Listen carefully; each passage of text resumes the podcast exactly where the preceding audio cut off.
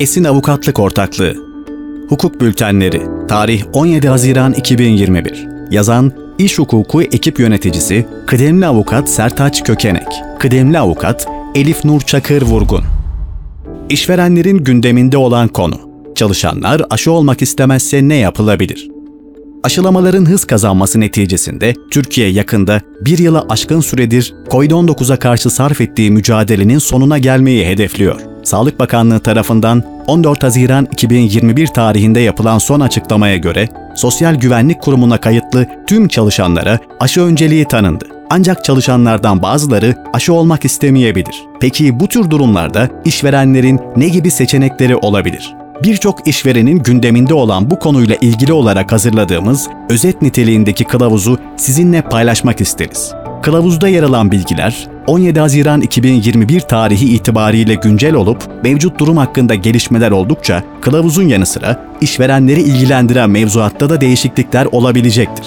Kılavuzda yer alan bilgilerin konu hakkında kapsamlı hukuki tavsiye olarak alınmamasını rica ederiz.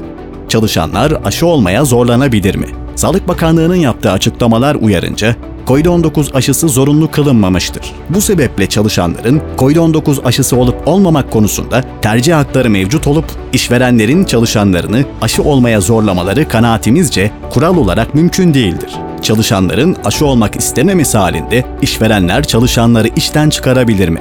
Yukarıda belirttiğimiz üzere COVID-19 aşısı devlet tarafından zorunlu kılınmamıştır. Bu sebeple aşı olmak istemeyen çalışanların işten çıkartılması kanaatimizce yüksek bir risk teşkil edecektir. FES'in geçersiz sayılma riskine ek olarak çalışanlar tarafından ayrımcılık iddiaları da ileri sürülebilecektir. 3. Çalışanların aşı olmak istememesi halinde işverenler fesih yerine hangi yöntemleri uygulayabilirler?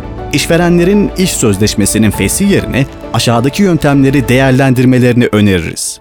Çalışanın COVID-19 önlemlerine uymasını sağlamak.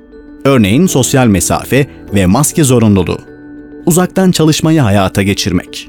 Çalışanları yıllık ücretli izne göndermek. Çalışanları 30 Haziran 2021 tarihine kadar ücretsiz izne göndermek. Çalışanları çalışma koşullarındaki değişiklik kurallarına uymak suretiyle kendilerine uygun başka pozisyonlara geçirmek. Bu yöntemin özellikle hassas pozisyonlarda çalışan kişiler açısından değerlendirilebileceğini düşünüyoruz.